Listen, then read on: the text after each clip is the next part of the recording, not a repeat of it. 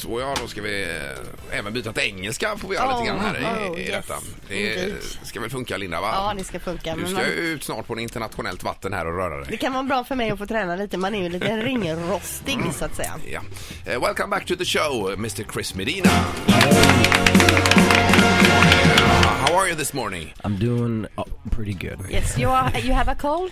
Uh, I think all the traveling's finally just caught up with me. Yeah? All Yes. right. Do you remember you've been in the studio before and played? Yes, I do. Yeah? I do. Really early in the morning, I think it was. Yes. Yes. A couple of years ago. Yeah. Yeah.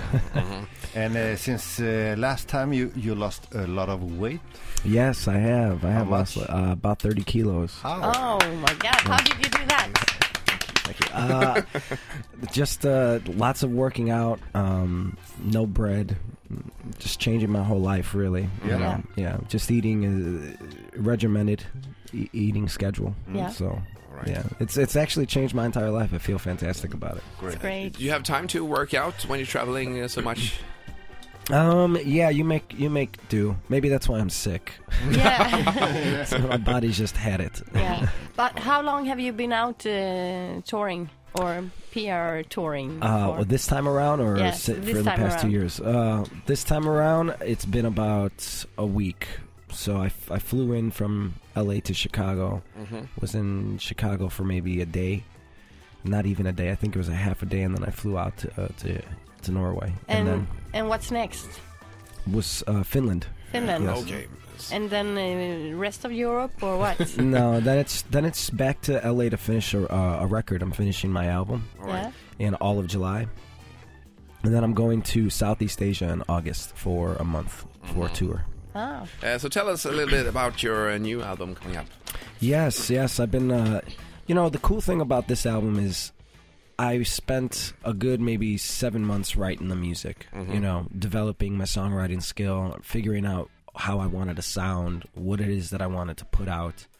It's far, you know, it's night and day different than the last album that I put out, which um, it was kind of rushed. You know, uh, after American Idol, I, I had this contract I, ca- I couldn't get out of, and I had this song that was already six, maybe seven months old by the time I could sign a contract to, to release I, c- before I could release anything. So by the time we did, it was just like, all right, well, we need to release something, we need to do something. So I was like, all right, let's write, you know. So now I, I it's good to have an album where I actually have B sides and C sides, and I know that no, those songs can't end up on the album. So it's real exciting. G- uh, can you give us a clue how big it is to be uh, top 40 in American Idol? Um, y- yeah, it's it's it's like a sweet and sour taste, and you know, you wish you could have gone further, but you're happy you made it as far as you did. you know, because uh, 120,000 people try out for American Idol, I think a year, every year, and um. To, to make it to the top 40 out of 120,000 is really awesome. But to not make it to first place when you're so close is just like, ah. But who, who won that year that you was? um, a gentleman named Scotty McCreery. And uh, how's his his career? He's doing good. He's a country star in, in the United States. Uh, I, I don't. I haven't followed it too much, other than I know he. Had we a haven't single. heard of him. No, Yeah, never. yeah.